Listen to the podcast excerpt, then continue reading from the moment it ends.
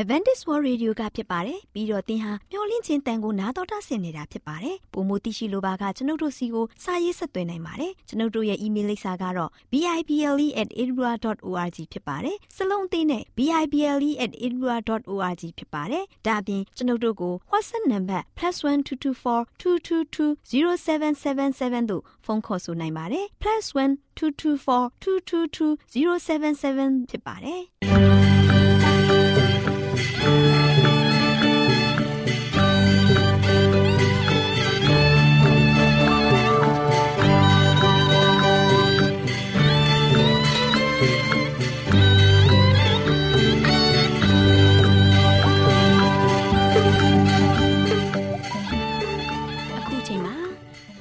မျော်လင့်သောတတ္တမနေ့အသင်းတော်ရဲ့ရေဒီယိုအစီအစဉ်ဖြစ်တဲ့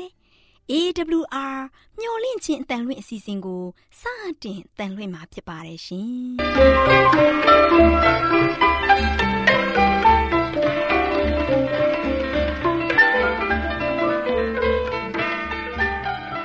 ။တော်တာရှင်များခင်ဗျာ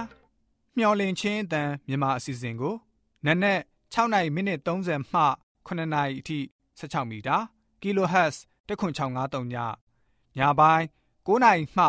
9နာရီမိနစ်30အထိ16မီတာ kHz 19533ညမှနေ့စဉ်အတန်လှွင့်ပေးနေပါတယ်ခင်ဗျာသောတာရှင်များရှင်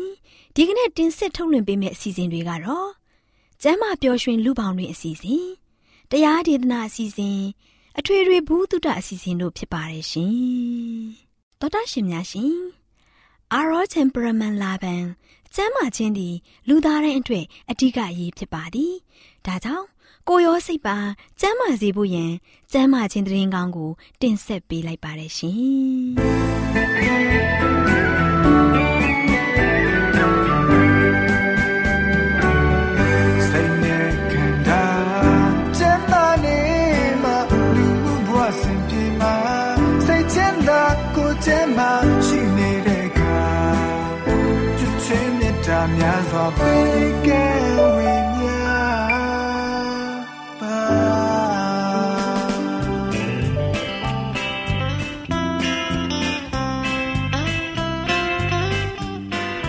တော်တရှင်မိတ်ဆွေများရှင်လူသားတို့အသက်ရှင်ရေးအတွက်အစာအာဟာရကိုမျှဝဲစားတောက်နေကြရတယ်ဆိုတာလူတိုင်းသိပါပဲဒီလိုမျှဝဲစားတောက်ကြတဲ့အခါစားတောက်မှုမမှန်ကန်တာတွေစားတောက်မှုအချိန်မတော်တာတွေကြောင့်ကျန်းမာရေးထိခိုက်လာလို့ယောဂဗျာတွေတိုးပွားပြီးဒုက္ခဝေဒနာတွေခံစားကြရတာဖြစ်တယ်။ဒါကြောင့်အစာအာဟာရတွေကိုကျန်းမာရေးနဲ့ညီညွတ်အောင်ဘယ်လိုစားတောက်သင့်တယ်လဲဆိုတာသိရှိဖို့အတွက် ကျမတို့မျှဝင့်ခြင်းအတမထုတ်လွှင့်ပေးမယ်အစာအာဟာရဆိုင်ရာအကြံပေးချက်တွေကိုလေ့လာမှတ်သားကြပါစို့။သောတာရှင်များရှင်ဒီကနေ့အစာအာဟာရဆိုင်ရာအကြံပေးချက်ကဏ္ဍမှာအစာချက်သည့်ကိုအင်္ဂါရက်များကိုစောင့်ရှောက်ပါဆိုတဲ့အကြောင်းနဲ့ပတ်သက်ပြီးတင်ပြပေးမှာဖြစ်ပါတယ်ရှင်။သောတာရှင်များရှင်အစာချက်တဲ့ကိုအင်္ဂါရက်တွေကိုစောင့်ရှောက်ကြရမှာဖြစ်တယ်။အစာမျိုးစုံကိုအစာအိမ်ထဲကိုမထည့်ကြဖို့တတိပြုရမယ်။ တထိုင်တည်းနဲ့အစာမျိုးစုံကို စားလေရှိတဲ့သူတွေဟာကိုယ့်ကိုယ်ကိုဒုက္ခရောက်အောင် လုပ်နေတဲ့လူတွေဖြစ်တယ်။မိမိတို့ရှေ့မှာချထားတဲ့အစာတွေဟာအရသာကောင်းတဲ့အစာတွေဖြစ်ခြင်းထက်လူတို့နဲ့တဲ့တဲ့အစာတွေဖြစ်ဖို့ပိုပြီးတော့အရေးကြီးပါတယ်။အထဲမှာဘယ်လိုဖြစ်ပျက်နေတာကို ဖွင့်ကြည့်ဖို့တကားပေါက်တွေအစာအိမ်မှာမရှိတဲ့အတွက်လူတို့ဟာကြိုးကြောင်ဆင်ခြင်ပြီးတော့အစာတွေကိုစားသုံးကြရမှာဖြစ်တယ်။အစာစားပြီးတဲ့အချိန် မအီမသာခံစားလာရလို့ရှိရင်အမျိုးစုံသောအစာတွေကိုတထိုင်တည်းမှာစားမိတဲ့အတွက်ကြောင့်ခံစားရတဲ့အကျိုးဆက်ဖြစ်တယ်ဆိုတာသိရမယ်။ပျော်ရွှင်သာယာတဲ့အသက်တာနဲ့လှုပ်ရှားသွားလာနိုင်ဖို့အစာချက်တဲ့ကိုယ်အင်္ဂါတွေဟာအရေးပါလာပါတယ်။ဘယ်အရာကိုအစာအဖြစ်စားသုံးရမှာကိုဝေဖန်ပိုင်းခြားနိုင်တဲ့အသိဉာဏ်တွေကိုဖျားသခင်ပေးသနာတော်မူပါတယ်။ဘယ်အစာဟာလူတို့နဲ့တဲ့ပြီးဘယ်အစာဟာ လူတွေကိုဒုက္ခပေးတယ်ဆိုတဲ့အချက်ကိုအသိဉာဏ်ရှိတဲ့လူသားတွေဖြစ်တဲ့ကျမတို့ဟာမလေ့လာသင့်ဘူးလားအချင်းပေါက်နေတဲ့အစာအိမ်ကိုပိုင်ဆိုင်ထားတဲ့သူတွေမှာမကြည်လင်မချိုသာတဲ့သဘောထားရှိတတ်တယ်။အရာခတ်သိမ်းတို့ဟာသူတို့နဲ့ဆန့်ကျင်နေတဲ့အောင်ဖြစ်ပြီးစိတ်တူနေတတ်တယ်။အေးအေးချမ်းချမ်းဖြစ်လို့လို့ရှိရင်ကျမ်းမာတဲ့အစာအိမ်ကိုပိုင်ဆိုင်ခွင့်ရအောင်လုပ်ဖို့အရေးပါလာပါတယ်။သောတာရှင်များရှင်တစ်ချိန်တည်းတစ်ထိုင်တည်းမှာ အမျိုးစုံသောအစာတွေကိုမစားသုံးသင့်ဘူးအစာကျူးခြင်းကိုဖြစ်စေုံသာမကအစာမကြေတဲ့ယောဂါကိုလည်းဖြစ်စေနိုင်တယ်အစာစားချိန်မှာသစ်သီးတွေနဲ့ဟင်းသီးဟင်းရွက်တွေကိုရောပြီးစားခြင်းဟာမကောင်းပါဘူးအစာကြေချက်မှုအားချို့တက်လို့ရှိရင်အဲ့ဒီအရာနှစ်ခုကိုရောပြီးစားလိုက်ခြင်းကြောင့်စိတ်ကြယောဂါကိုဖြစ်စေပြီးစိတ်ပိုင်းဆိုင်ရာလှုပ်ဆောင်မှုတွေကိုအားနည်းစေပါတယ်။တစ်သီးတွေနဲ့ဟင်းသီးဟင်းရွက်တွေကို တီးခြားခွဲပြီးတော့စားရင်ပိုကောင်းပါတယ်။မနေ့စာနေ့လယ်စာနဲ့ညစာတွေဟာမထပ်သင့်ပါဘူး။အစားအစာတစ်မျိုးတည်းကို နေ့စဉ်မစားသုံးသင့်ပါဘူး။အစားအစာမထပ်မှသာလျှင်စားတော့တဲ့အခါမြိန်ရှက်ပြီးတော့ခန္ဓာကိုယ်အတွက်လည်းပိုးပြီးတော့အာဟာရနဲ့ပြည့်စုံပါလိမ့်မယ်။သောတာရှင်များရှင်တင်တို့ရဲ့အိမ်မှာအစားအစာပြင်ဆင်ခြင်းအလုပ်ကိုအကောင်းဆုံးကူညီပေးနိုင်တဲ့အစီအစဉ်တွေထားရှိဖို့လိုအပ်ပါတယ်။ပုပ်ကိုတူဦးဟာ ညအချိန်မှာဖြတ်တတ်တဲ့အတွက်အတွေ့အကြုံရှိတဲ့သမားတော်တူဦးက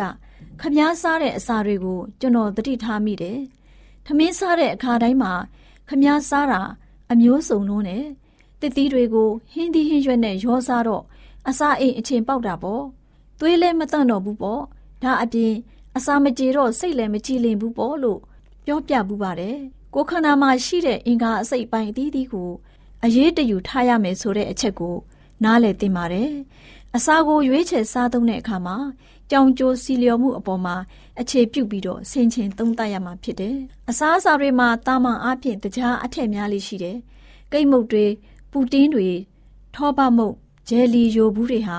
အစာမကြေယောဂရဲ့အကြောင်းရင်းတစ်ရပ်ဖြစ်တယ်။အထူးသဖြင့်နွားနို့တကြားနဲ့ဥတွေကိုအဓိကထားပြီးရောစပြုလုပ်ထားတယ်။ပူတင်းကြက်ဥနှုတ်ပေါင်းတွေဟာ ကျန်းမာရေးကိုထိခိုက်စေတယ်။နှုတ်နဲ့တကြားကိုအတိုင်းဆမဲ့ရောပြီးစားသုံးခြင်းကိုရှောင်ကျဉ်သင့်တယ်။တချို့ပုံကိုယ်တွေဟာကျန်းမာရေးပြုပြင်ပြောင်းလဲမှုအတွက်ကောင်းတယ်လို့ထင်ပြီးနွားနှုတ်ကိုတကြားများများနဲ့ပေါက်ပြီးတော့သုံးဆောင်တတ်ကြတယ်။ဒါပေမဲ့နွားနှုတ်နဲ့တကြားရောပြီးတော့တောက်သုံးခြင်းဟာအစာအိမ်ထဲမှာအချင်းပေါက်စေပြီးတော့ကျန်းမာရေးကိုထိခိုက်စေပါတယ်။ငရုတ်ကောင်းမုန့်နဲ့အချိုပွဲတွေကိုစပွဲပေါ်မှာပြင်ဆင်ခြင်းနဲလေလေ ကျမ်းမာရေးအတွက်ပိုပြီးကောင်းလေလေဖြစ်ပါတယ်။ရော့ရှက်ရှုပ်ထွေးတဲ့အစာတွေဟာလူရဲ့ကျမ်းမာရေးကို ထိခိုက်စေတယ်။အသိဉာဏ်ကင်းမဲ့တဲ့တရိษံများတော့မှ လူသားတွေစားနေတဲ့အဲ့ဒီလိုအစာတွေကိုဘယ်အခါမှမစားပါဘူး။ဆန်းကျယ်ပြီးရှုပ်ရှုပ်ထွေးထွေးရော့ရှက်ထားတဲ့အစာတွေဟာကျန်းမာရေးကို ထိခိုက်စေပါတယ်ဆိုတဲ့အကြောင်းအစာအာဟာရဆိုင်ရာအကြံပေးချက်ကဏ္ဍမှာကျမ်းမာရေးအတွက်အကြံပေးတင်ပြလိုက်ပါရရှင်။သောတာရှင်များရှင်လန်းချမ်းမြေ့ကြပါစေရှင်။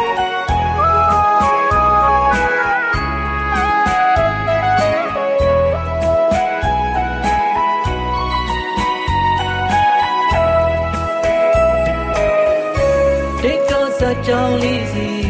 ကောက်တော့ပြန်ရောက်စေခြင်းခရနီတောင်ပေါ်သက်စွန်သူကြောင်းလေးလော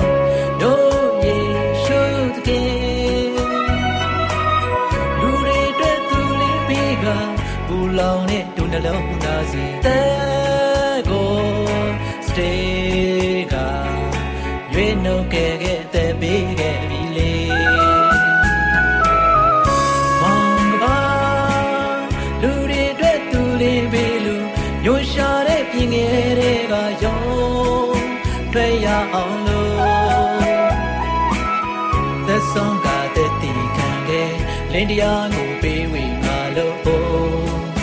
မေတ္တာရှင်အော်သစ္စာ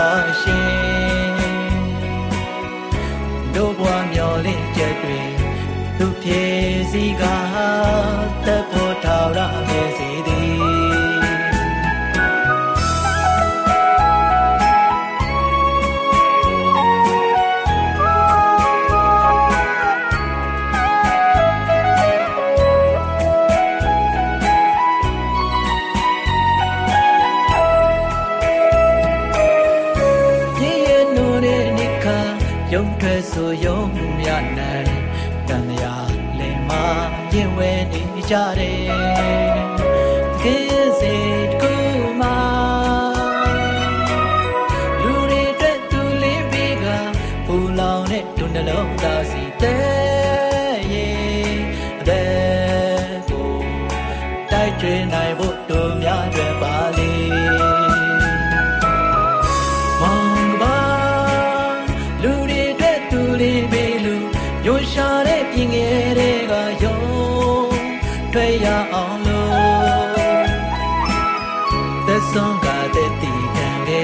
လင်းတရားကိုပေးဝေငါလို့အိုမေတ္တာရှင်အော်သစ္စာရှင်တို့ဘွားမျောလင့်ချက်တွေသူပြေစီကတပ်ပေါ်ထာဝရမြေစီသည်မောင်ကပါတော်တာရှင်များရှင်တရားဒေသနာတော်ကိုတိတ်ခါတော်ရဓမ္မဆရာဦးတင်မောင်ဆန်းမှ ဟောကြားဝင်ငါပေးมาဖြစ်ပါတယ်ရှင်။နာတော်တာဆင်ရင်ခွန်အားယူကြပါစို့။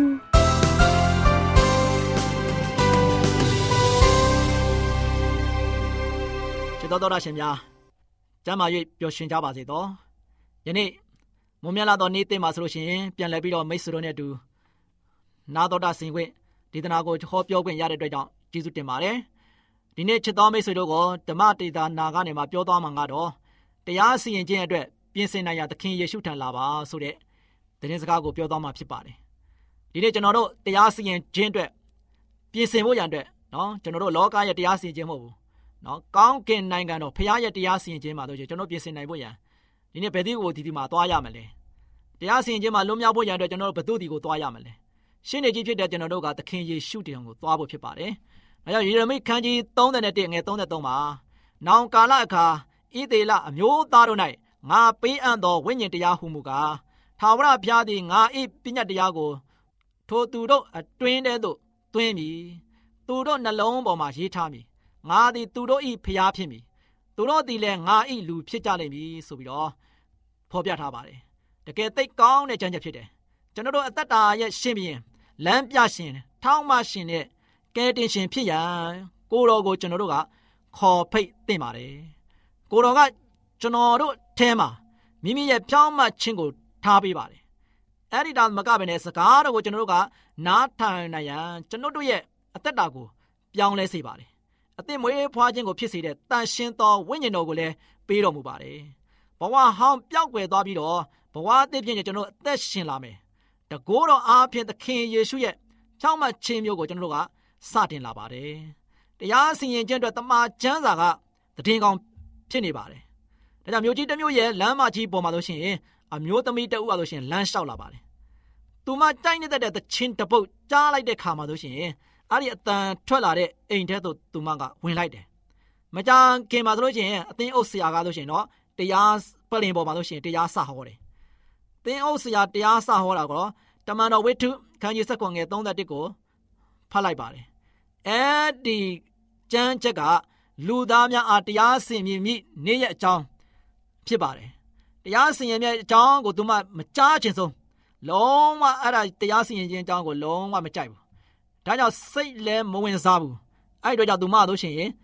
ပြန်ထွက်သွားခဲ့တယ်နော်တို့ပေမဲ့လည်းညမှာဆိုလို့ရှိရင်သူမလုံးဝအိတ်ဖို့ကြိုးစားပေမဲ့လုံးဝအိတ်မပြောဘူး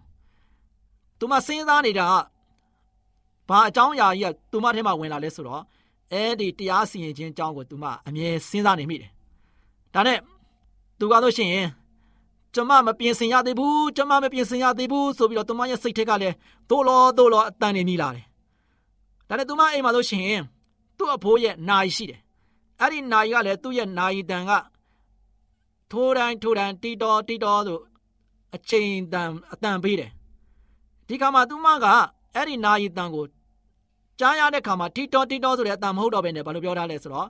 စီရင်စစ်စဲစီရင်စစ်စဲဆိုပြီးတော့ ကြားနေရတယ်တဲ့သူမရဲ့နားထဲမှာအဲ့ဒီခါမှာဆိုရှင်သူမအဲ့လိုလည်းမပြောဘူးအဲ့ဒီတရားစီရင်ခြင်းအတွက်သူမရဲ့စိတ်ကိုတုန်လှုပ်ချထားစေတယ်အဲ့ဒီခါမှာသူမဆိုရှင်အသင်းအုပ်ဆရာဖုန်းဆက်နိုင်ဖို့ရန်အတွက်သူမရဲ့ဖုန်းစာအုပ်ကိုဖွင့်လိုက်တဲ့ခါမှာအာအဲ့ဒီအသင်းအုပ်ဆရာရဲ့ဖုန်းနံပါတ်ကိုသူမတွေ့တယ်အဲ့ဒီခါမှာသူမဖုန်းကိုကောက်ကင်လိုက်ပြီးတော့သင်းအုပ်ဆရာကိုဖုန်းဆက်လိုက်တယ်ကျမတို့ရှင်ဆရာတရားဟောနေချိန်မှာထွက်သွားတဲ့သူဖြစ်ပါတယ်တဲ့ကျမအစင်သင်းမရှိဘူးတဲ့ တရားစီရင်ခြင်းအကြောင်းကိုဆရာကဟောကြားတဲ့ခါမှာကျမနားမထောင်ချင်လို့ထွက်သွားခဲ့တယ်တဲ့ဒါပေမဲ့ယခုမှဆိုရှင်ကျမအဲ့လိုမပြောဘူးတဲ့ကျမအဲ့တရားစီရင်ခြင်းအတွက်အစင်သင်းမရှိဘူးတဲ့ဒါကြောင့်ကျမကိုကူညီနိုင်မလားလို့ပြောလိုက်ပါတယ်ချစ်တော်မိတ်ဆွေတရားစီရင်ခြင်းကိုကျွန်တော်တို့ကကြောက်ရွံ့တုန်လှုပ်ခြောက်ထားတဲ့အခါမှာတနာကျင်နာစွာနဲ့သခင်ယေရှုပါလို့ရှိရင်သူ့ထံသို့ချင်းကပ်ရန်ကျွန်တော်တို့ကို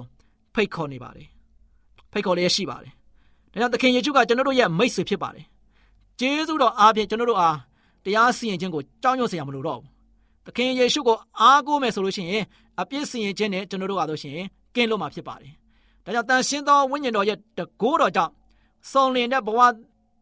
တစ်တို့ကျွန်တော်တို့ကတော့ရှင်ကူးပြောင်းစေပါတယ်။အသက်ဖန်ဆင်းခြင်းခံရတဲ့တတဝါဖြစ်လာပါတယ်။ဒါကြောင့်ချစ်တော်မိတ်ဆွေတရားစီရင်ခြင်းအတွက်ကျွန်တော်တို့ပြင်ဆင်ထားနိုင်ဖို့ရန်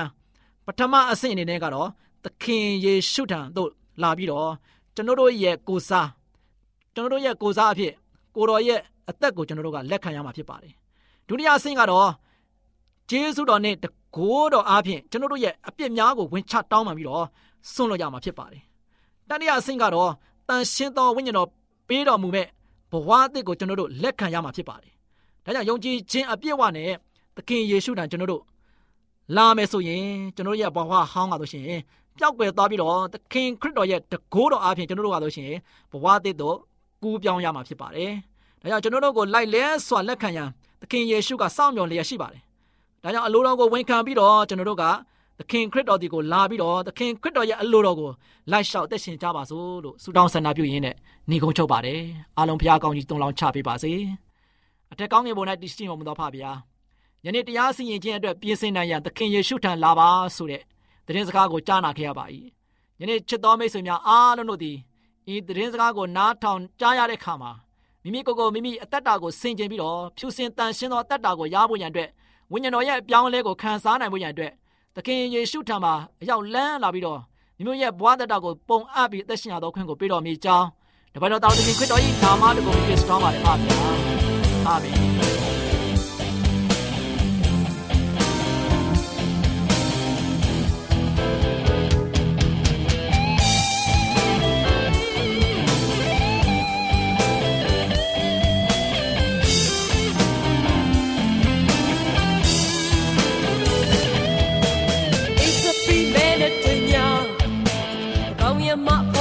ပေါ်ရင်မရှိဖွာမြင်ချိန်ဒီတန်တန်တဲ့လမ်းကြီးတွေကရောင်ချချမောင်းနှံဦးတည်ရဲ့ရှိမလေးကလမ်းစုရညာဘယ်သူဒီနိုင်လဲလေကိုလုံးတော့နေရတခုလိုက်ရှာစေ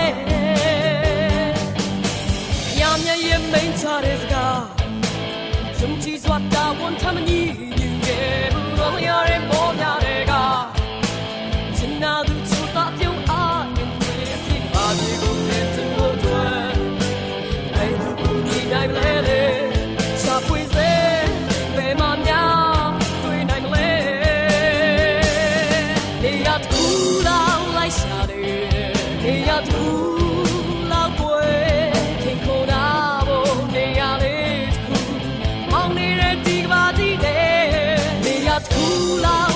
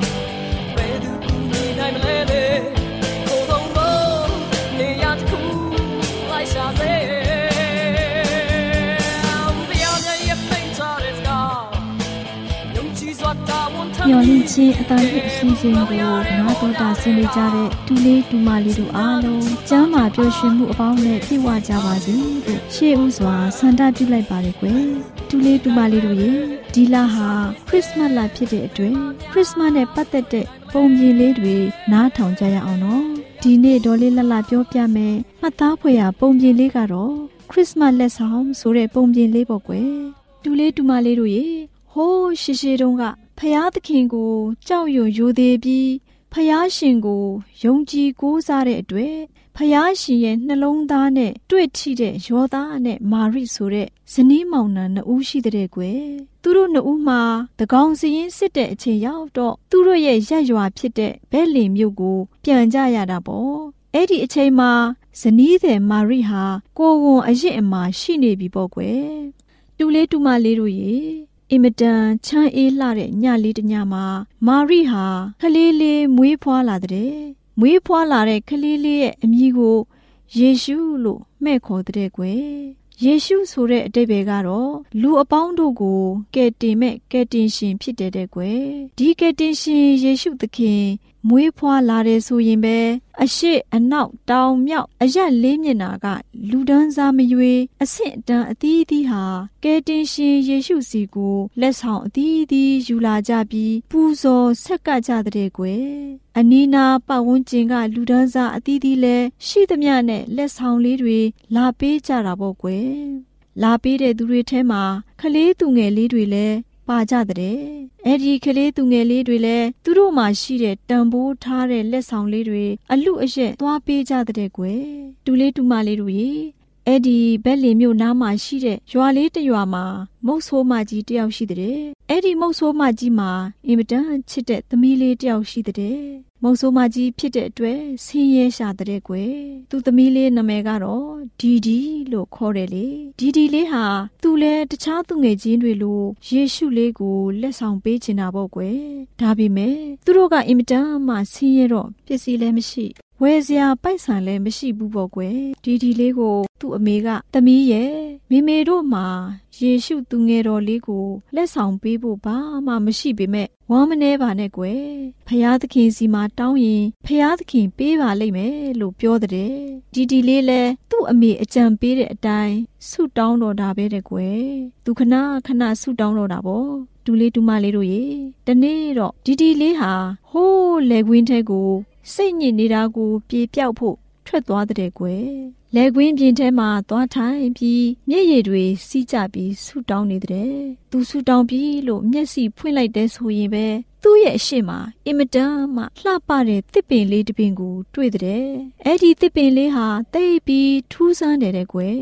နှင်းတော်ထဲမှာပေါက်တဲ့တစ်ပင်လေးတွေလိုပဲတဲ့ကွယ်ဒီဒီလေးဟာထူးဆန်းတဲ့တစ်ပင်လေးကိုကြည့်ပြီးအင်းဒီတစ်ပင်လေးဟာ သိပြီးလာတာပဲဒီသစ်ပင်လေးကိုသူငယ်တော်ယေရှုလေးကိုလက်ဆောင်ပေးရင်ကောင်းမယ်လို့တွေးမိတဲ့ကွယ်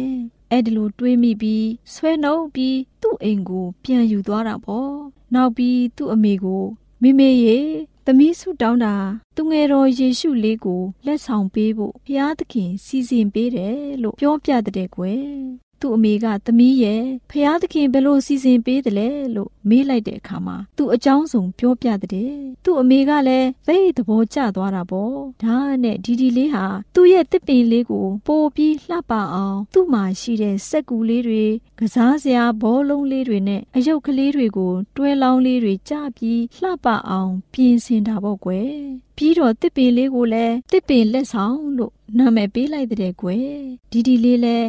အင်ကြီးအဝတ်အစားလဲပြီးသူ့ရဲ့တစ်ပင်လက်ဆောင်လေးကိုယူသွားပြီးတော့သူများတွေလက်ဆောင်ပေးတဲ့သူငယ်တော်ယေရှုလေးနာကိုမရေတရေဖြည်းဖြည်းလေးနဲ့သွားပေးတဲ့ကွယ်ဒူလေးဒူမလေးတို့ရေအဲ့ဒီအချိန်မှာသူငယ်တော်ယေရှုလေးဟာဒီဒီလေးရဲ့တစ်ပင်လေးကိုတည်တည်ချာချာစိုက်ကြည့်နေတဲ့ကွယ်ဒီဒီလေးလည်းတန်ဖိုးရှိတဲ့လက်ဆောင်တွေအများကြီးရှိပါရဲ့နဲ့သူ့ရဲ့တစ်ပင်လက်ဆောင်လေးကိုပဲစိတ်ဝင်စားကြည့်နေတဲ့အတွက် သိပြီးကျဉ်နဝမ်းသာသွားပြီးတော့သူ့ရဲ့အိမ်ကို ပြန်လာတဲ့ကွယ်ဒီတစ်ပင်လက်ဆောင်လေးဟာ အခုခေတ်ခရစ်စမတ်ရောက်တိုင်းခရစ်စမတ်တစ်ပင်လို့ပြောင်းလဲဖော်တွင်သွားတာပေါ့ကွယ်ဒါကြောင့်ခရစ်စမတ်ရောက်ပြီးဆိုရင်ကဘာနဲ့အဝမ်းခရစ်စမတ်တစ်ပင်လေးတွေမပါရင်မပြီးအောင်ခရစ်စမတ်ကျင်းပကြတာပေါ့ခရစ်စမတ်တစ်ပင်လေးကိုသာမကဘူးအချို့နိုင်ငံကြီးတွေမှာဆိုရင်တစ်ပင်ကြီးတွေကိုတောင်လှပအောင်မွမ်းမံပြင်ဆင်ကြတာပေါ့ကွယ်တူလေးတူမလေးတို့ရေအခုခေတ်မှာဆိုရင်ခရစ်စမတ်ရောက်တိုင်းခရစ်စမတ်တစ်ပင်လေးကိုအလေးထားရုံမကဘူး ကုံတိုက်ကြီးတွေကုံစုံဆိုင်ကြီးတွေနဲ့ခါနာတဲ့ဟိုတယ်ကြီးတွေမှာခရစ်စမတ်တစ်ပင်ကိုအလှဆင်ပြီးခရစ်စမတ်အမှတ်တရအဖြစ်ပြုလုပ်ထားကြတာပေါ့ကွယ်တူလေးတူမလေးတို့ရေ ပုံပြင်လေးကတော့ဒါပါပဲတူလေးတူမလေးတို့လည်းခရစ်စမတ်ရောက်တိုင်းရယူခြင်းမဟုတ်ပဲပေးဆက်ခြင်းအဖြစ်ခရစ်စမတ်မှာကိုယ်မှာရှိတဲ့လက်ဆောင်လေးတွေနဲ့မုံမြတဲ့စိတ်ထားပြီးသူတစ်ပါးရဲ့စိတ်ကိုပျော်ရွှင်မှုပေးနိုင်ကြပါစေလို့ဒေါ်လေးလှလှဆုတောင်းလိုက်ပါရယ်ကွယ်တူလေးတူမလေးတို့အားလုံးခရစ်စမတ်လက်ဆောင်ဆိုတဲ့ပုံပြင်လေးကိုနာတော်တာဆင်းရေးရွှေလန်းချမ်းမြေ့ကြပါစေကွယ်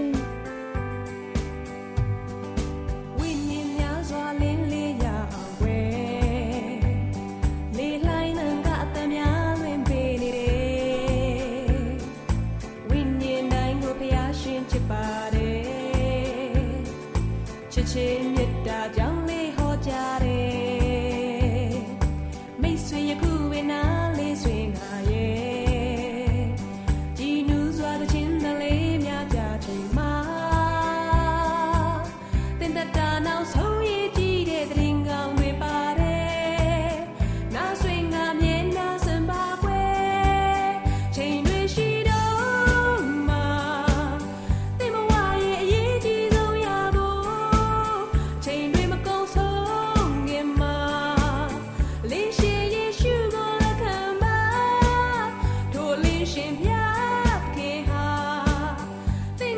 ရှိများရှင်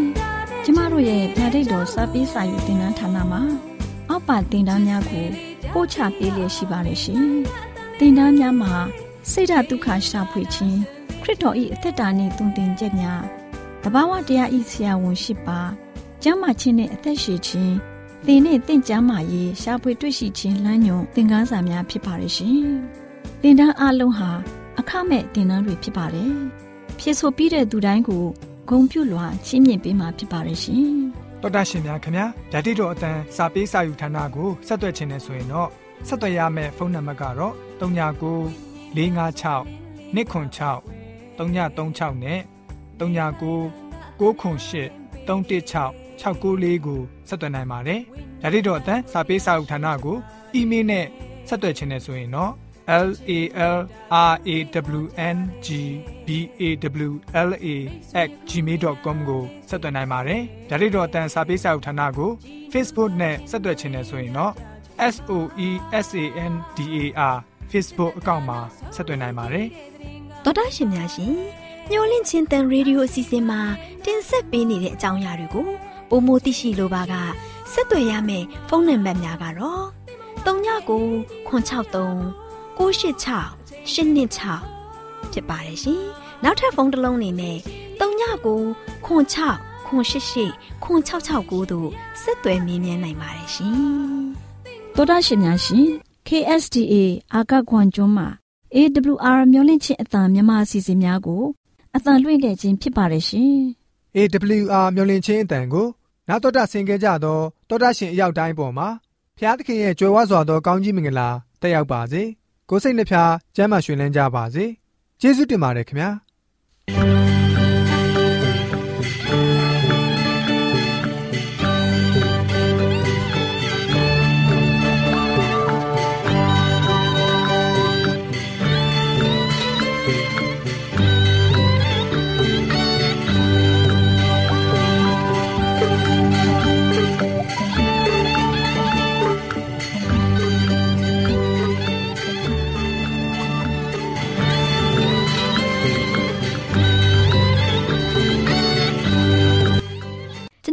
စီစဉ်များကိုနာတော်တာဆင်ရင်နှစ်သက်မယ်လို့မျှော်လင့်ပါတယ်။မိတ်ဆွေအနေနဲ့လက်ဆောင်လေးတစ်ခုကိုရချင်နေဆိုရင်တော့ကျေးဇူးပြု၍ bible@awr.org သို့စာရေးပေးပါ။ဒါမှမဟုတ်ကျွန်ုပ်တို့ကို WhatsApp နံပါတ် +1224 222 0777သို့ဖုန်းခေါ်ဆိုနိုင်ပါတယ်။